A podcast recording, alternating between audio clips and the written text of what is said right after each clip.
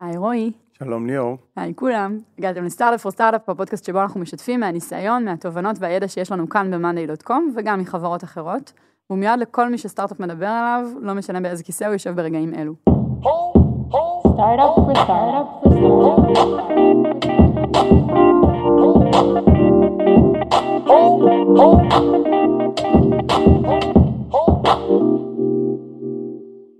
לפני שנצלול לנושא היום, אנחנו רוצים להזכיר לכם שיש לנו קבוצת פייסבוק, שנקראת Startup for Startup, ותוכלו למצוא אותנו שם ואת כל האורחים שלנו ולשאול שאלות, ואנחנו ממש עונים ומשקיעים בתשובות, אז אה, נשמח לראות אתכם שם.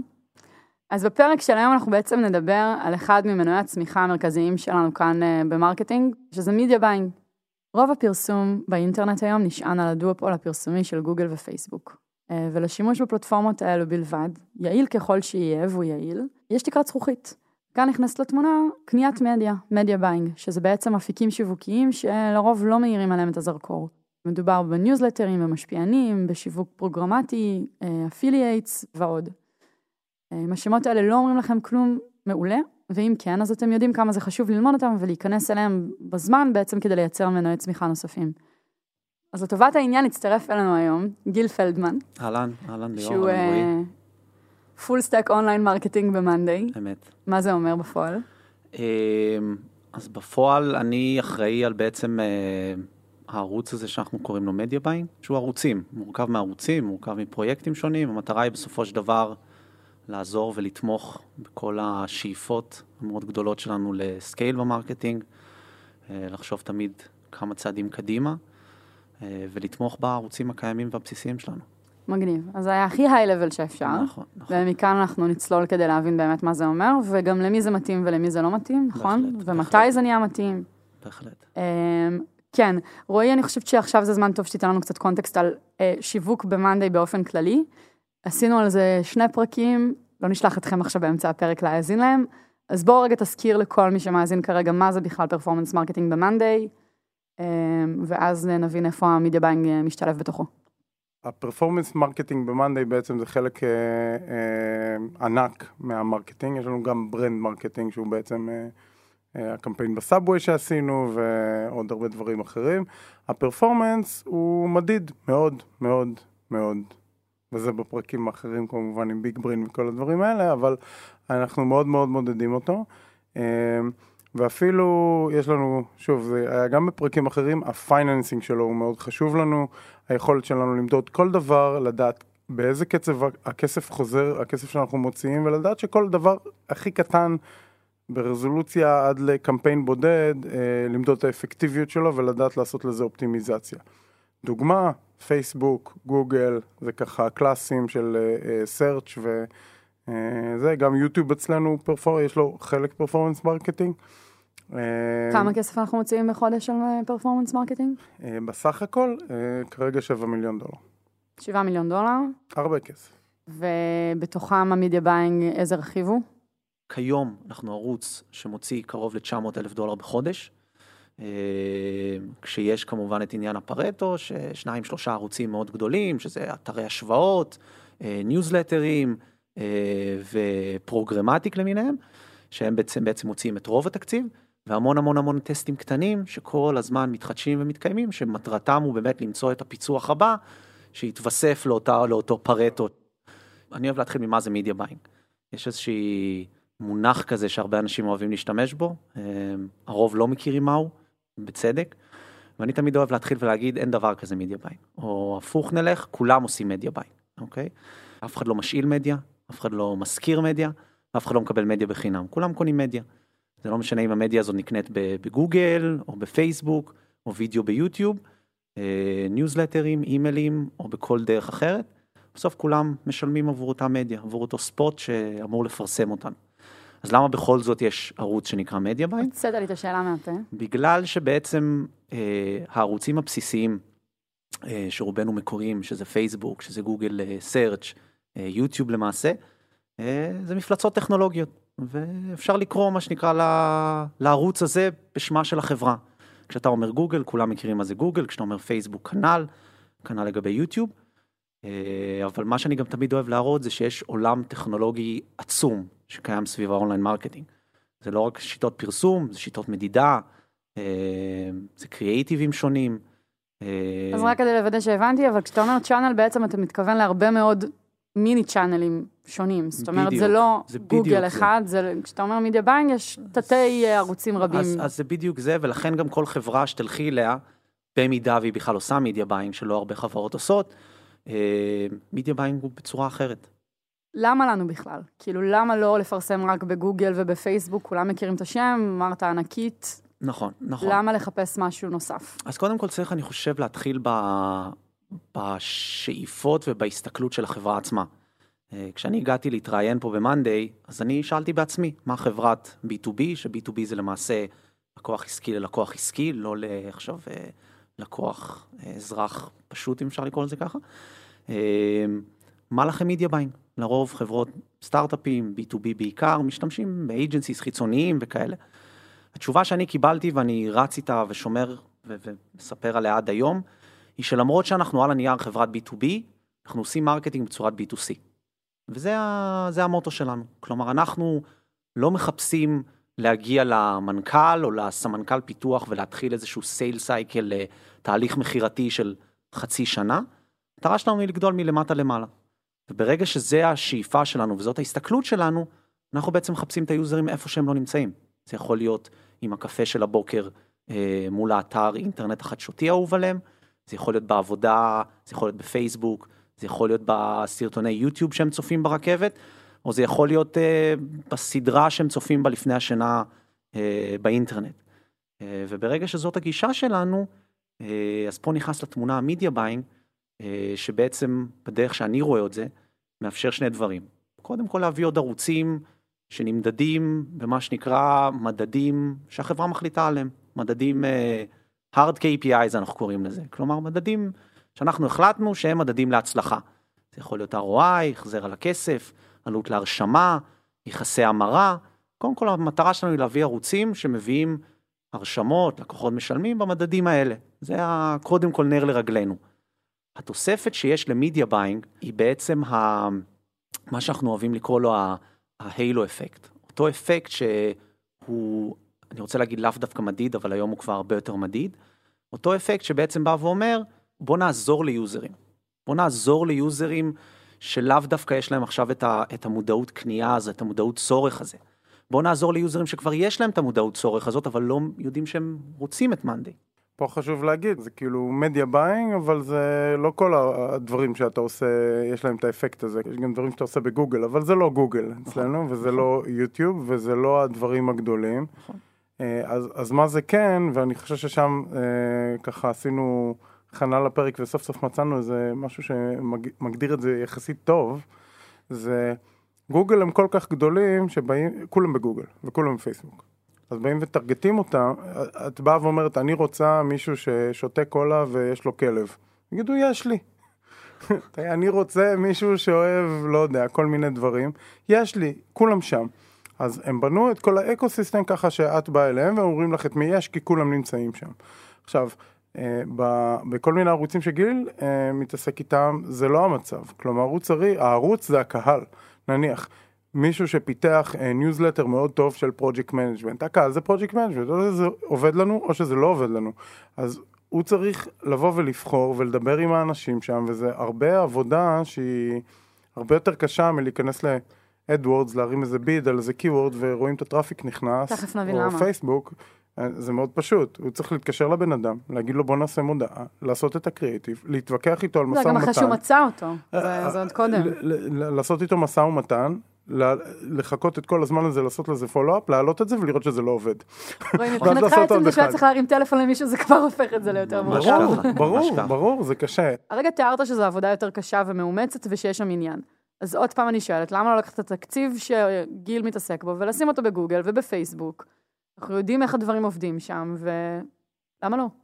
אז אה, יש לזה שני תשובות, אני חושב שנושא חצי, מבחינת ה marketing והסיבה שאנחנו רוצים את זה אה, ב spend שאנחנו נמצאים בו, שהוא גדול, ב scale גדול, אה, זה אנלוגיה טובה זה בעצם אה, כמו פיזור השקעות, בסדר? אה, אנחנו רוצים to diversify ואנחנו רוצים לפגוש אנשים בהמון מקומות שהם נמצאים בהם. ולא רק במקום הזה שהם מחפשים, ולא רק ב... וזה אה, מה שגיל התחיל לדבר עליו, ושווה לדבר על זה, על, על אה, values אחרים שאנחנו יכולים לשדר דרך ערוצים שיש להם משמעות שונה. אה, אבל נניח אם מסתכלים על זה מבחינת החזר השקעות וניכנס שנייה למדידה ולפיננסים דווקא של הדבר הזה ולא לאיכות, אז במקום הפיננסי זה מאוד הגיוני לקחת, הצ'אנלים האלה אמורים להיות הרבה יותר טובים. בסדר? גוגל יכולים למקסם מהצד השני בגלל שהם במקום כזה שכולם באים אליהם וכולם רוצים, יכולים למקסם את את. המ... את המקסימום כסף שהבן אדם הזה כשהוא מחפש את הדבר הזה מחפש, הם עושים עליו מקסימיזציה, בסדר? אה, וזה אומר שהם מקבלים, זה כאילו צריך לעבוד לשני הכיוונים, אבל המקסימום, הם, הם מוציאים מאיתנו בסופו של דבר עם ה bidding וכל התהליך שם, את המקסימום שאנחנו מוכנים לשלם. בכל הערוצים של ה media buying, אנחנו, יש שם פנינים. בסדר? שעושים פחות scale, נניח יש את הניוזלטר, שוב ניקח את הדוגמה הזאת דווקא, למרות שיש גם אה, אה, RTB ודברים מתקדמים יותר, אבל נניח של. הניוזלטר, בסדר? אז שולחים את הניוזלטר ל-X אנשים שיש שם, ושבוע אחרי זה נשלח עוד ניוזלטר לאותם אנשים. זה, הוא רוצה לשים שם פי שתיים אה, אה, כסף לעשות, לקבל פי שתיים סיינאפים? אין. This is it. וזה גם החיסרון של המפרסם עצמו, ולכן אנחנו מקבלים את זה ב... אה, ב discount או ב... יש שם פנינים שאנחנו מוצאים ובפורטפוליו השקעות שלנו, אם מסתכלים על ההוצאה שלנו נניח כפורטפוליו השקעות, זה מאוד מטייב את השאר, זה מאפשר לנו ככה להיות יותר תחרותיים אפילו במקומות אחרים, זה מביא לנו המון יציבות בשאר ה spend, העובדה שיש עוד משהו שפשוט קורה. זה שכאילו פתאום המחירים ישתנו בגוגל והם ישנו את האלגוריתמים שלהם, או שיהיה bidding. מטורף, שם זה יישאר אותו דבר, כי זה ההסכם שעשינו ו... אה, for better or for worse זה עובד, וכאילו גם, גם לשנות דברים לוקח לנו טיפה יותר זמן, אבל יש לנו שם יציבות ואיכות יותר גבוהה, וזה הרצון וה, והציפייה מכל הצ'אנלים שגיל מטפל בהם. אני רוצה להוסיף על זה גם, רועי באמת דיבר על זה שיש בעצם, אפשר להגדיר את זה שני, שני, ש- שתי סיבות ל, ל, למה אנחנו בעצם צריכים את זה. אז באמת רועי נגע מאוד בסיבה הראשונה. אמ, אני אוהב תמיד להגיד שהסיבה השנייה היא, בסופו של דבר, אם, אם יבוא עכשיו סטארט-אפ חדש וישאל אותי או כל אחד אחר, איך, איך להתחיל marketing. אז, אז אין ספק שצריך להתחיל מה, מה, מהערוצים הבסיסיים, מחיפוש, פייסבוק, יוטיוב, דברים מאוד מאוד גדולים. אבל אני מאמין, והניסיון שלי גם, אני, אני, רואה את זה בחברות שעבדתי בהן, וגם פה במאנדיי לצורך העניין, שבסופו של דבר יש איזושהי תקרת זכוכית לערוצים האלה. אה, זה יכול לבוא יותר מהר, זה יכול לבוא יותר מאוחר, מאוד תלוי כמובן במקצועיות של הצוות, ביצירתיות, בחשיבה מחוץ לקופסה, אבל בסוף יש גם איזשהו היגיון, כלומר, יש איזושהי כמות של אנשים יותר קטנה, יותר גדולה, שקמה בבוקר, או הגיעה באיזשהו שלב למסקנה בחיים המקצועיים שלהם, שהם צריכים, אם נדבר על המקרה שלנו, כלי לניהול עבודה, כלי לניהול פרויקטים. שאר האנשים, אני לא יודע אם זה רוב האנשים, חצי מהאנשים או אה, כמות קטנה, אה, צריכים עזרה עם זה. צריכים עזרה עם זה. כלומר, או שהם בכלל לא מודעים, אני יכול לספר שאני בחברה הקודמת שלי בכלל לא הכרתי את העולם הזה. עבדנו עם איזשהו כלי מאוד מיושן, מאוד פרימיטיבי, זה מה שהוכתב לנו, זה מה שהיה קיים, ולא הכרתי בכלל את העולם כן. המדהים הזה של, שבכלל של לא ידעתי האלטרנטיבות. שאפשר אחרת, גיל. ממש ככה. ויש עוד חלק של אנשים שהם מודעים שיש להם את הצורך, אבל, זאת אומרת, הם, הם לא יודעים לבחור. כן. ופה, או את הפניות להתחיל לחפש, עוד פעם. או איך להתחיל לחפש, כן. או איפה זה נמצא, או מה יותר כדאי. ופה באמת אנחנו נכנסים, אה, שמטרתנו היא, כמו שאמרתי, גם להצליח לדוג את אותם יוזרים במדדים הנדרשים שלנו, אבל גם לתת את אותו אפקט, את אותה דחיפה, שמכניס, אני אוהב לקרוא לזה, מכניס להם רעיון בראש. שפתאום אומר, אה, יש את זה, גם אם הוא לא שם לב שזה נכנס לו לראש. ניתן דוגמאות לכל יאללה. מיני דברים שעשינו שם. בואו נצלול לתוך הדוגמאות, כדי אז- להבין את זה יותר טוב. אז קודם כל, יש את מה שאני קורא לו ה media buying המסורתי, אוקיי? שזה, שזה באנרים, שזה פרסום באימיילים, שזה פרסום ב- בניוזלטרים, זה עולם מאוד מאוד חזק בעולם הזה של B2B. שרגע, אה, איך נראית פרסומת בניוזלטר? אז זה יכול להיות הרבה סוגים, זה יכול להיות דוגמה. באנר עכשיו בניוזלטר, זה יכול להיות אה, באנר עם copy, זה יכול להיות רק copy, זה יכול להיות משהו שאנחנו מכתיבים ל publisher אה, איך, איך לכתוב אותו, וזה יכול להיות משהו שה publisher עצמו יוצר עבורנו.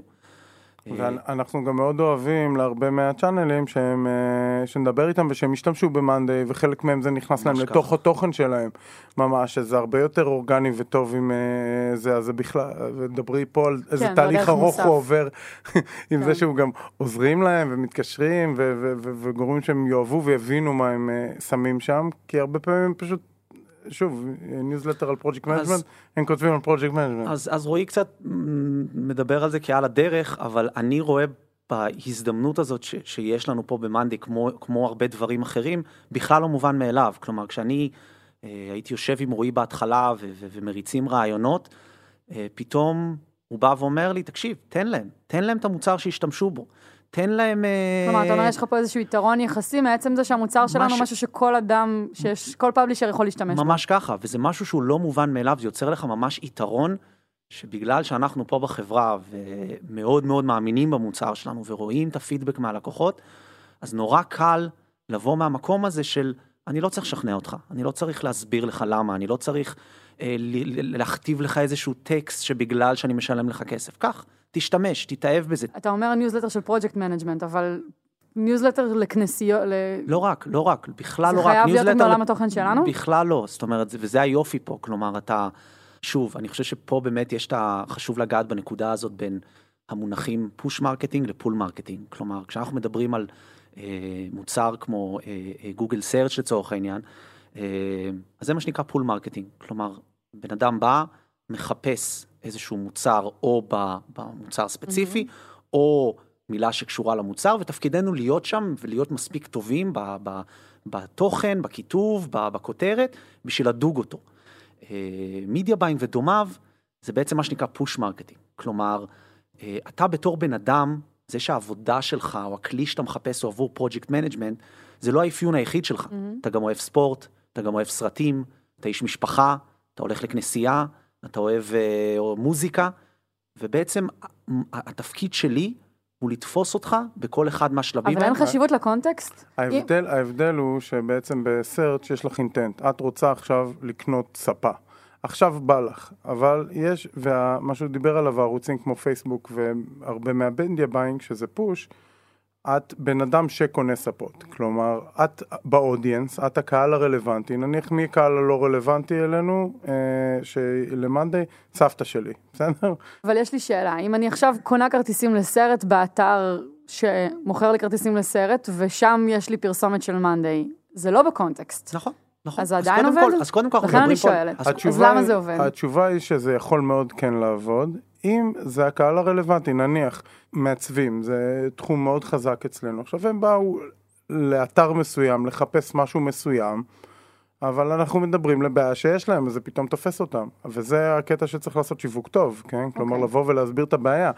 אני חושב שזה גם, כנגיעה אחרונה, באמת מאוד מאוד קשור לשאלה שלך, מה המטרה שלי אה, ב- ב- באותו פרויקט שאני עושה ב media buying. על אותו באנר כדוגמה שנתת ב- ב- באתר סרטים, אז המטרה שלי שם כנראה תהיה לתפוס אותך בתור בן אדם, שאני כנראה יודע שאת בטווח הגילאים הנכון, אה, רלוונטי למוצר שלי, אה, נמצא בעולם שמאוד רלוונטי למוצר שלי, ושם כנראה המטרה שלי תהיה להפציץ אותך במודעות. כלומר, בואי אני אכניס לך את הרעיון לראש, בואי אני אכניס לך את הרע- הרעיון לראש בבאנרים שמוצבים מאוד יפה, ואני מקווה ו- ו- ו- ורוצה לגרום לך להגיד וואלה, מעניין, אני אשים את זה בצד, או אני אחפש את זה עכשיו, או אני אזכור את הדבר הזה. ניוזלטר לעומת זאת, כנראה שהמטרה שלי תהיה, אם אני אפרסם את זה בניוזלטר שהוא לאוהבי טכנולוגיה, אנשים שמתעניינים בסטארט-אפים או דברים כאלה, שם כבר המטרה שלי כנראה היא כבר למשוך אותך, ישירות. כאילו בוא תלחץ, בוא, בוא תבוא ישירות משם. והמסר יהיה קצת שונה. בדיוק. אז רגע, אז איך ניגשים לכל הדבר הזה? כי יש מתודולוגיה מאחורי. נכון, נכון. קודם כל, אני חושב שכמה אולי בנאלי שזה לא יהיה, חייבים פה לעשות תחקיר מאוד מאוד מאוד נרחב. מה המוצר שלך, מי הקהל שלך, אה, מה עובד, מה לא עובד, כלומר... זה, זה דוגמאות. נקודה שאנחנו לא, בחברה נניח לא חזקים בתחקירים. אז התחקיר, תחקיר. כן זהו, אז התחקיר שהיה לנו זה פשוט ה baseline שיש, וזה, נתת את ההמלצה הזאת נניח להתחיל ב- בפייסבוק או ב- בגוגל, זה baseline. כלומר, marketing, בכל דבר שראיתי שעשינו עד היום, הוא תמיד רלטיבי. כלומר, עושים קמפיין אחד, הוא עובד, הוא טוב, ואז יש לנו baseline. אנחנו אומרים, רגע, השני הוא יותר טוב או פחות טוב מההוא. כי... כי זה קשה לדעת. יש נקודה של משתלם לי, לא משתלם לי, אבל טוב או לא, אה, נניח, עושים דף נחיתה, כמה התקנברטו מהדף הזה ל- ל- לטרייל. בסדר? זה אחוז מסוים שאנחנו יודעים אה, בפייסבוק קל מאוד נניח לשנות את כל התרגותים האלה מאוד מהר, להראות לקהל אחר, להראות לזה, לשנות את הקריאיטיב, זה קורה מאוד מהר. אפשר לבוא ולעשות לזה פיינטיון מאוד מהר, כי יש להם את כל הקהל, כמו שאמרנו, גם בגוגל. אה, ואז יש איזשהו baseline. את ה baseline הזה, אני חושב שמשם התחלנו לעשות את ה media buying כשציפינו למשהו וציפינו לראות את זה גם יותר טוב. אה, ואז זה, זה בעצם המחקר. אז כלומר, איפשהו ההמלצה, זה בטוח ההמלצה הזה אה, לא לגמרי להתחיל שם. כן? כלומר, אלא אם כן יש איזה משהו שאתם ממש יודעים, לא יודע, זה משהו שאתם קוראים בתוך התחום וברור לכם ואומרים יאללה, למה לא?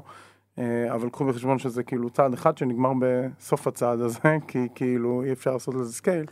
אז... אגב, לשני הכיוונים, כי ממה שאמרת קודם על פנינים, יכול להיות מצב שאם אני רק מתחילה מ media buying, אני נופלת על משהו שהוא, שיהיה לו conversion מדהים, או שיהיו תוצאות מדהימות לקמפיין הזה, ושאני בחיים לא אצליח לשחזר את זה. אז זה בסדר. אה, זה מביא תיאבון, כאילו גם באסטרטגיה שלנו פה, בכל דבר חדש שאנחנו עושים, כל השבע מיליון והכל, זה לא שמישהו בא בבוקר ואומר יאללה בוא נעשה עוד מיליון.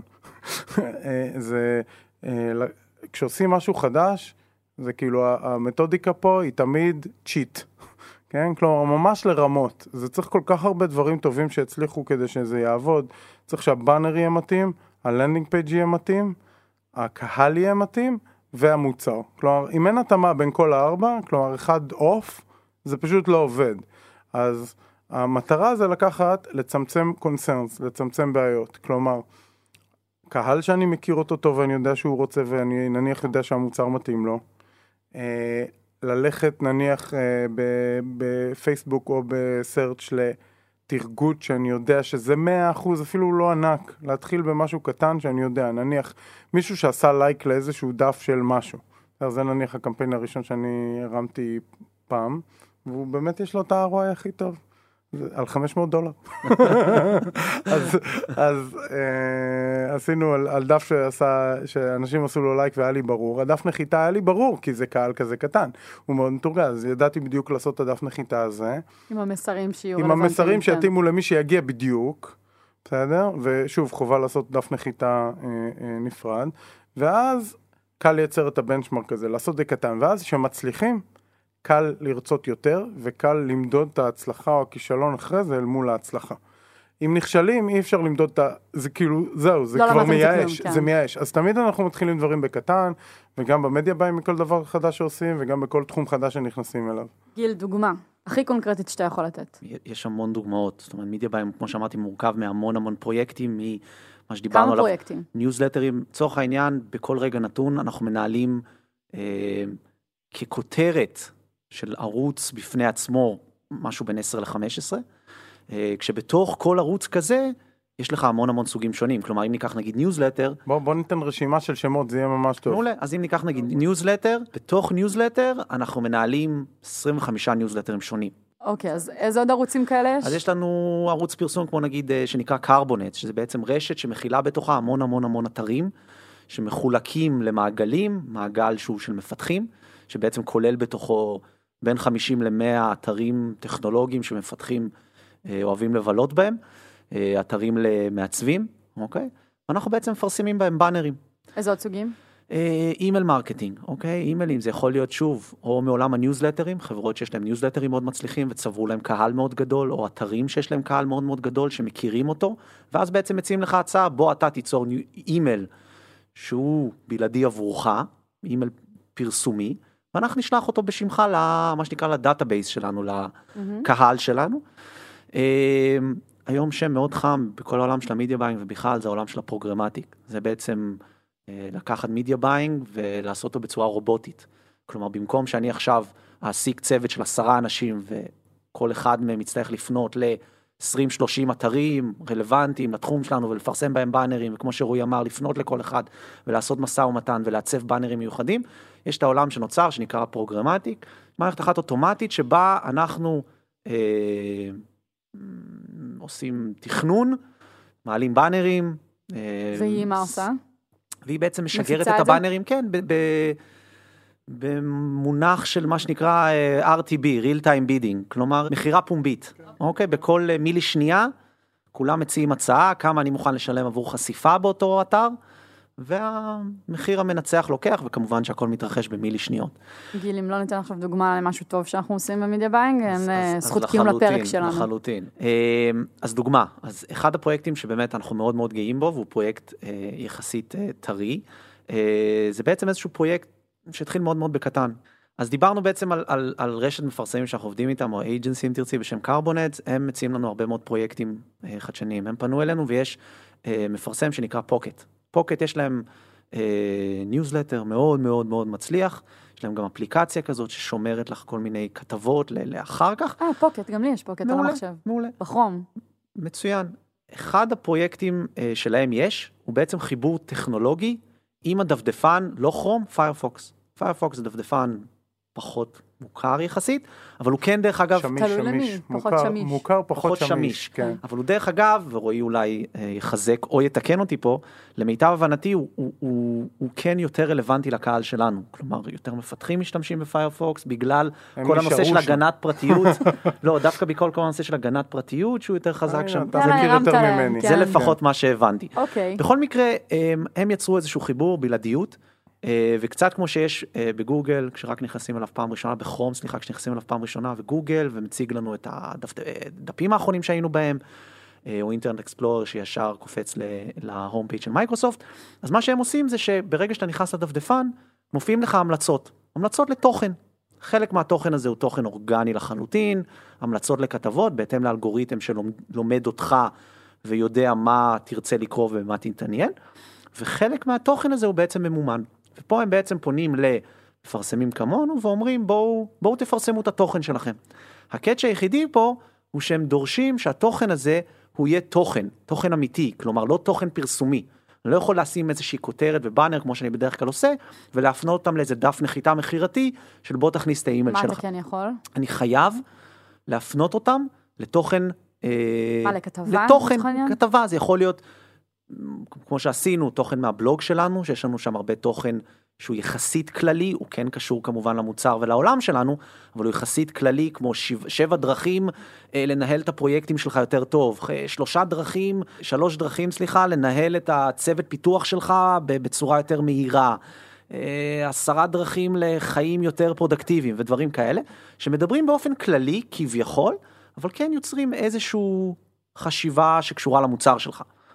ואז בעצם הלכנו ושמנו את התוכן הזה. עכשיו, חשוב לציין, עד אותו רגע, הבלוג היה קיים אצלנו, קיים אצלנו הרבה מאוד זמן. אה, בהמשך הדרך גם אה, עשינו איזשהו פרויקט חדש של, אה, נקרא Monday Stories, שזה בעצם ביקשנו מהרבה לקוחות שלנו, שמאוד אוהבים להשתמש במוצר שלנו ומאוד חזקים בשימוש במוצר שלנו, שיכתבו לנו מה שנקרא case studies על איך הם משתמשים במוצר שלנו. וקראנו לזה Monday Stories ויצרנו איזשהו דף, וניסינו גם את הבלוג שלנו במשך הרבה מאוד זמן וגם את אותם Monday Stories, לפרסם בערוצי הפרסום שלנו, בכל ערוצי הפרסום שלנו, כי מאוד האמנו שאנשים יתקנברטו יותר טוב או אה, ימהרו יותר להירשם אם יהיה להם איזשהו ידע לגבי העולם הזה ולגבי המוצר שלנו. מה קרה? וזה אף פעם לא עבד. כל הפרסום של תוכן כתוכן ולא כשיווק פרסומי אגרסיבי, לא עבד לנו אף פעם בשום ערוץ. ואז הגיע הפרויקט הזה, ואמרתי יאללה, תקציב יחסית קטן, בואו ננסה, ושמנו שם חלק מהתכנים של הבלוג, וכותרות מתאימות, ותמונות. פתאום חודש, חודשיים ושלושה, ואתה מתחיל לראות שמשהו קורה פה. כלומר, אנשים מקליקים על הדבר הזה, לא על ידי מסלול של חשיפה, זאת אומרת, אנשים ממש מקליקים, קוראים את התוכן, והולכים ונרשמים. וההחזר על הכסף שלנו, מה שנקרא ROI, שבהתחלה היינו על תקציבים מאוד קטנים, 5,000 דולר, 10,000 דולר, היה מדהים. היה מדהים. מה הקט- זה מדהים? מדהים ברמת ה... להחזיר 50 אחוז, 70 אחוז מה... מההשקעה שלנו, שהמדד שלנו היום הוא 20 אחוז לקמפיין מוצלח. אה, ושוב, בסכומים קטנים. ב-20 יום.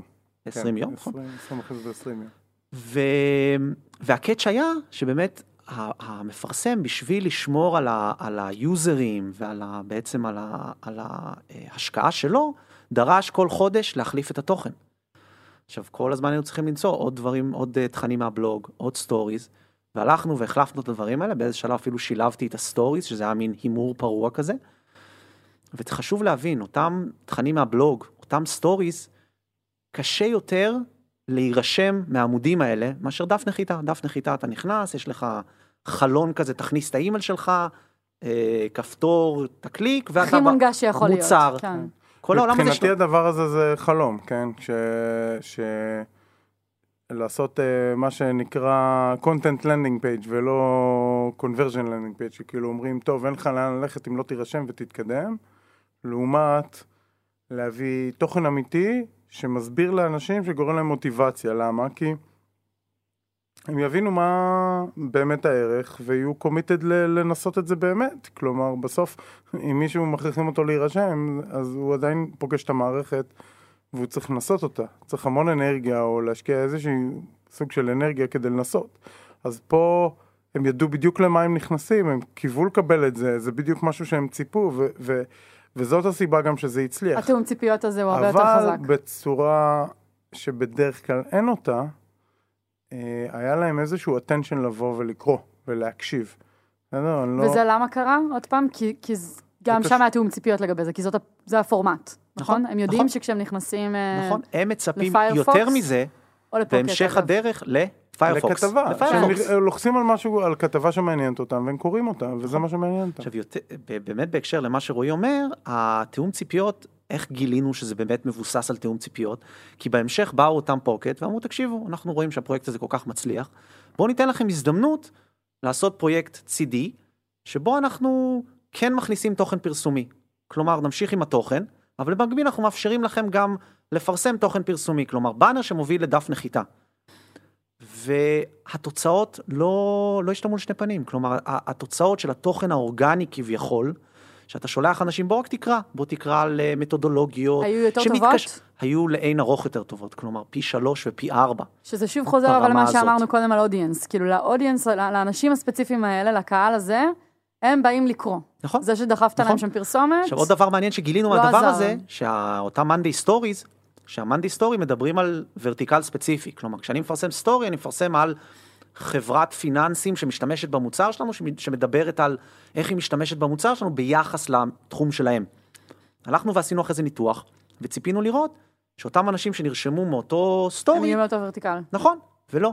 וואלה. עכשיו, מה הבאמת, עכשיו, מה באמת הגישה שהסברנו את זה? היא שבסוף אנשים רוצים דוגמאות מאנשים אמיתיים, שיהיה להם ממה להזדהות. אוקיי? הם לא חייבים דוגמה מהתחום שלהם. אבל אם יש מישהו שמסביר להם בשפה מאוד פשוטה, בשפה שנראית ניטרלית, איך הוא משתמש במאנדיי, כמה טוב זה עשה לעסק שלהם, אז הוא אומר וואלה, גם אני אתן לזה הזדמנות ואני אבין איך זה יכול להשתמש בעסק צריך שלי. להבין כמה זה מהפכני, כי זה direct response content, אין דברים כאלה. כלומר, content בדרך כלל בא אה, לייצר אה, nurturing או משהו כזה, שכאילו, בסדר, זה נראה לי מעניין, אבל אני לא מבין מה זה, ואז אני צריך לחמם אותך טיפה, להסביר לך למה זה טוב, שתביני, לעשות לך איזה ניוזלטר, שתורידי איזה משהו, תקראי, תתענייני, ואז שתביני שאת רוצה, זה יהיה לך מספיק אנרגיה כדי לעבור את ה friction של המערכת. לעשות את זה עם תוכן שלא הורס, כלומר, ש... כמו שהוא אמר, אני קורא איזה משהו על finance, אבל בסוף בונה את הדבר, לא הצלחנו עד היום. וגם לא מכיר מישהו אחר שהצליח, אני חיפשתי, כי זה מאוד חזק להצליח עם זה, זה שם את כל הקושי גיל, בהתחלה. תיארת קודם שיש כל כך הרבה הזדמנויות, אני לא יודעת אם לכמת את זה במאות, באלפים, במיליונים, מיליונים של הזדמנויות, לא סתם יש רובוטים במקום בני אדם. ועכשיו תיארת הצלחה שהיא ממיליון זוויות הצלחה מבחינתנו, אבל איך אתה יודע שזאת תהיה ההצלחה? זאת אומרת, אתה בסוף בן אדם אחד, וגם אם זה צוות, איך מחליטים באיזה ערוצים להתנסות, איזה, איזה ניסויים הם כן שווים את הזמן, כי כן היה פה איזושהי רמת תכנון מאוד גבוהה, תיארת את זה בניואנסים, אבל הרבה תקשורת בינך לבין ה publisher, ואז להחליט מה ה content, ואז למדוד ולטייב.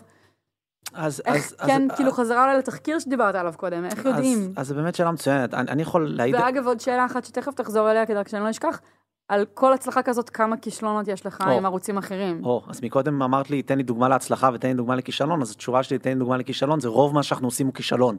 צריך להודות בזה, כלומר, אנחנו עושים כל כך הרבה טסטים, שזה לא שאני אגיד לך, לא, יש לי איזושהי מודעה אחת ספציפית, שרוב מה שאנחנו עושים, וככה לרוב גם, שאני בונה צוות, שאני מגייס אנשים, אני מכין אותם, ובטח שאנשים שלא מכירים את עולם ה media buying, אני מכין אותם לעובדה הזאת שצריך פה המון המון אורך רוח.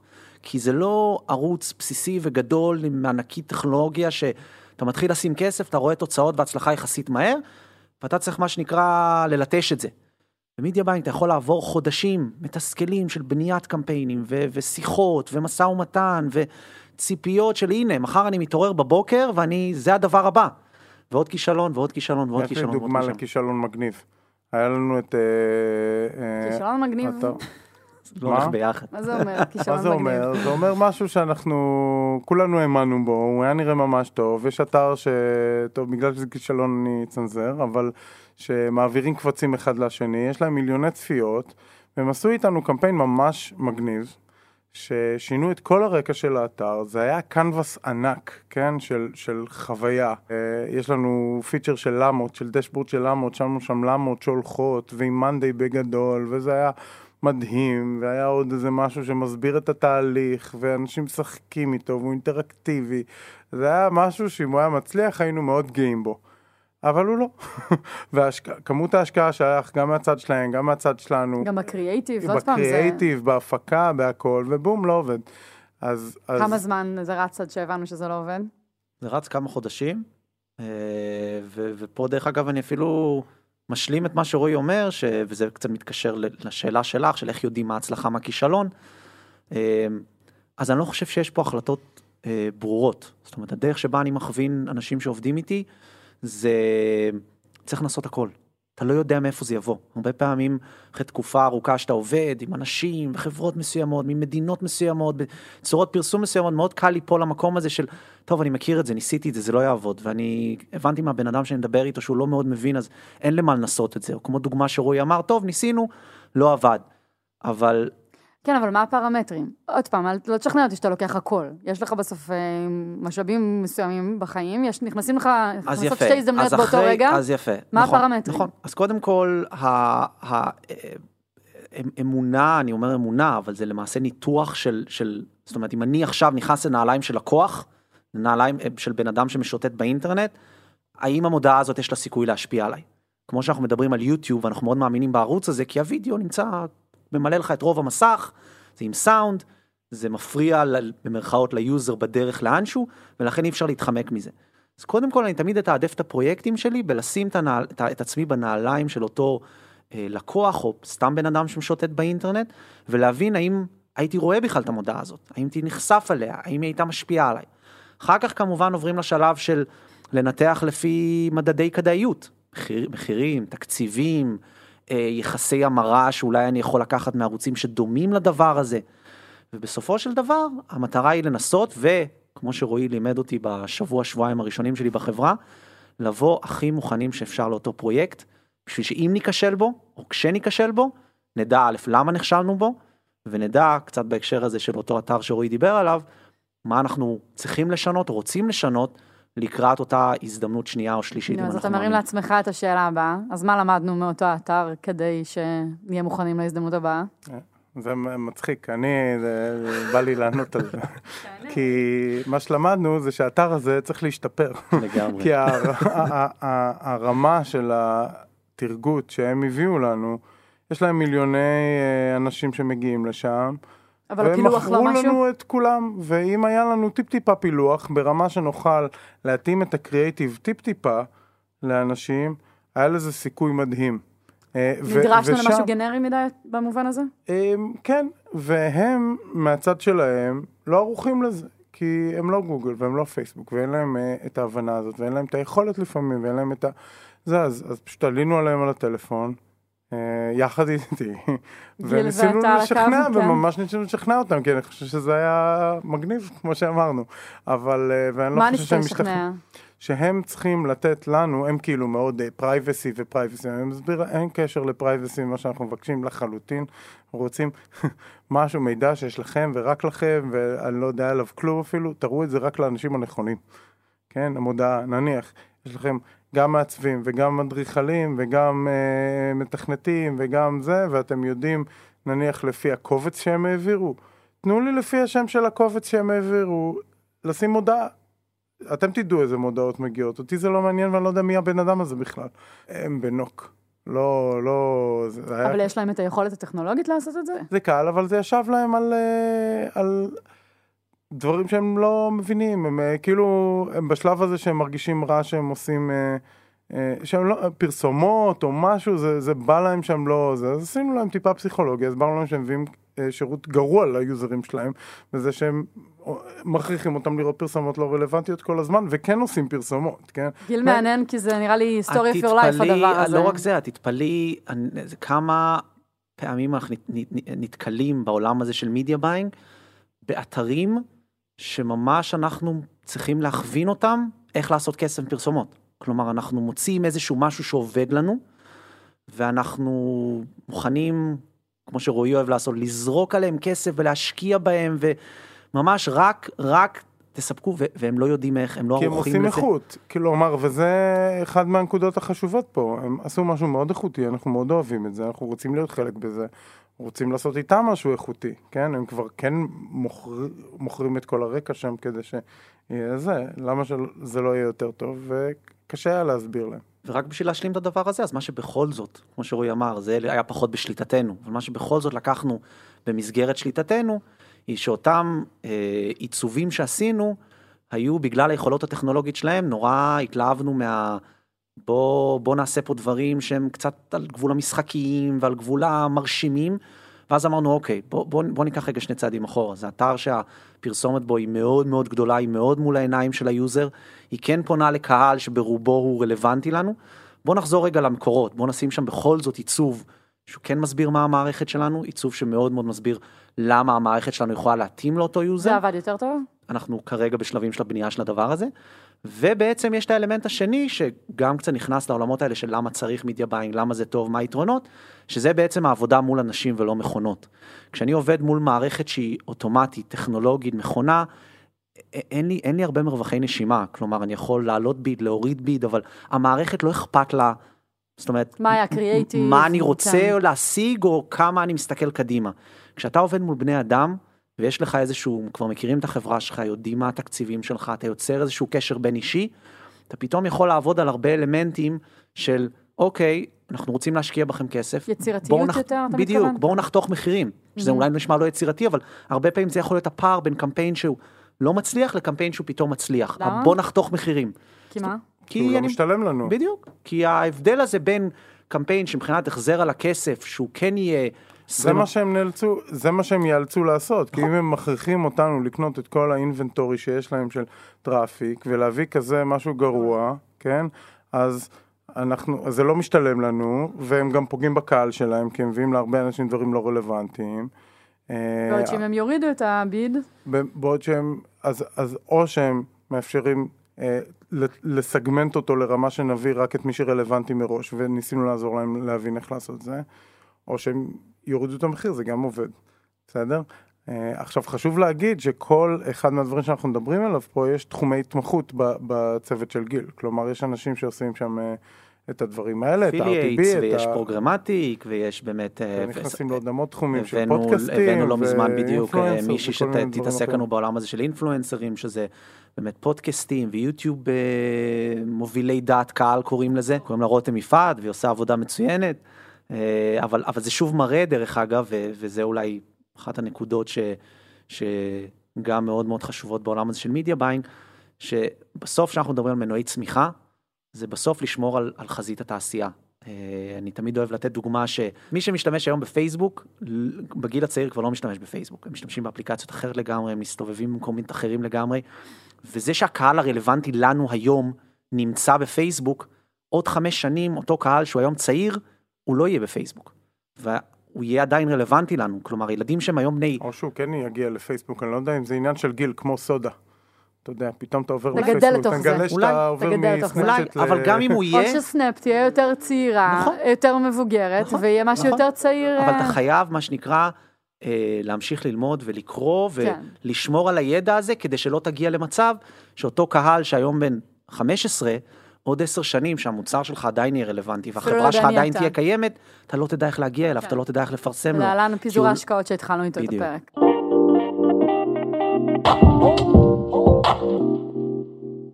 אז אה, גיל, ככה לסיום, אה, מישהו מתחיל לעשות media buying בפעם הראשונה, מה מה יש לך להגיד לו? בסופו של דבר צריך להיות מתואמים עם, עם, עם החזון של החברה, עם היעדים של החברה, עם המדדים של החברה. אה, לוודא שיש את התשתית הטכנולוגית המתאימה. אני, דיברנו על זה, נגענו בזה קצת, אבל אני חושב שכל העולם הזה של מדידה ו halo effect ומסע של יוזר עד לאותו קליק סופי, זה משהו שהוא מאוד מאוד חשוב, עד כמעט הכרחי בעולמות האלה של media buying, ואני חושב שבכלל בעולמות שלנו היום ב online marketing, בשביל לגדול ולצמוח. ואז אני חושב שצריך באמת הרבה סבלנות, הרבה אורך רוח, וללמוד מה עובד ומה שעובד, לקחת, אה, ולא לפספס, דרך אגב, באמת לא לפספס את זה בדרך. הרבה פעמים כשאתה לוקח את האלמנט הזה של לנסות ולנסות ולנסות ולנסות, ואתה עושה את זה מאוד מאוד טוב, אתה עלול לפספס את הדברים הקטנים האלה של אה, זה, זה קטן, אבל רגע, יש שם פוטנציאל. בוא נעצור רגע, ובוא נתמקד בזה, כמו הדוגמה שנתנו על אותו פודקאסט, ובוא רגע נגדיל את הדבר הזה למימדים המקסימליים שהוא יכול להגיע.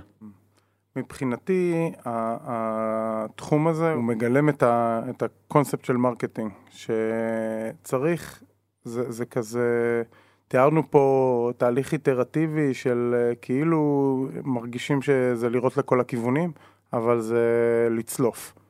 בסדר? אז אם אתם יודעים שיש לכם איזה משהו שהוא צליפה, הייתי הולך עליו ככה בצורה יותר uh, התחלתית ובטוח הולך לשם ו- וכאילו ואפילו מנסה את זה בתור דבר ראשון בכל זמן. ואז עם האוכל בא התיאבון, כלומר ברגע שצולפים באיזה אחד שתיים כאלה פתאום אומרים רגע יש פה משהו אבל אז השלישי כבר מפספס ואז מבינים שצריך להתחיל לעבוד מאוד מאוד קשה. אבל בהתחלה יש את ה-lowing fruits, צריך להבין מה הם ואני חושב שלכל תחום יש אנשים ש... שעושים דברים איכותיים, דברים שהם, אה, בוא נגיד ככה, כמו שכל הזמן מציעים לך לפרסם דברים בפודקאסט הזה, כן? אז אנחנו לא נעשה את זה, אבל כרגע. נניח ש... נניח ש... לא היה לך משכורת. אצלי לא מפרסמים. אולי היית... אה, אולי היינו... אה, אולי היית עושה פה איזושהי פרסומת שמתאימה מאוד לקהל הזה, וזה, ולא היית עושה את זה בקלות ראש, ובטוח לא ב... באיזה, אז, אז הדברים שם יכולים להיות מאוד איכותיים. זה כיף שזה הפודקאסט שלי ולא שלכם, ואני לא מפרסמת. ושאת יכולה להרשות לעצמך. המון כסף מפודקאסט. אבל, אבל זה הקטע, שזה מאוד איכותי. כלומר, זה לא ככה... זה יהיה מאוד ממוקד, כן. כן, מאוד נכון. ממוקד, מאוד טוב, מאוד איכותי, את מאוד יהיה אכפת לך מכל דבר, נכון. כי יהיה פה פרסומת אחת או שניים. הבנתי, גיל, למה מטרגטים אותי עכשיו. עכשיו הבנתי למה אנשים מטרגטים אותי. דיברנו עכשיו בסוף את ליאור לפרק. וואו. המון כסף אפשר לעשות מפודקאסטים. סוף סוף הבנתי מה זה media buying. גיל, ממש תודה שהצטרפת אלינו. תודה לכם, היה כיף מאוד. מאוד מעניין, ואני בטוחה שנעשה עוד פרקים על זה, כי זה, רק, רק התחלנו לגרד את, ה, את הטכניקה. Uh, תודה רועי. תודה ליאור. תודה שהאזנתם. Startup for startup for startup.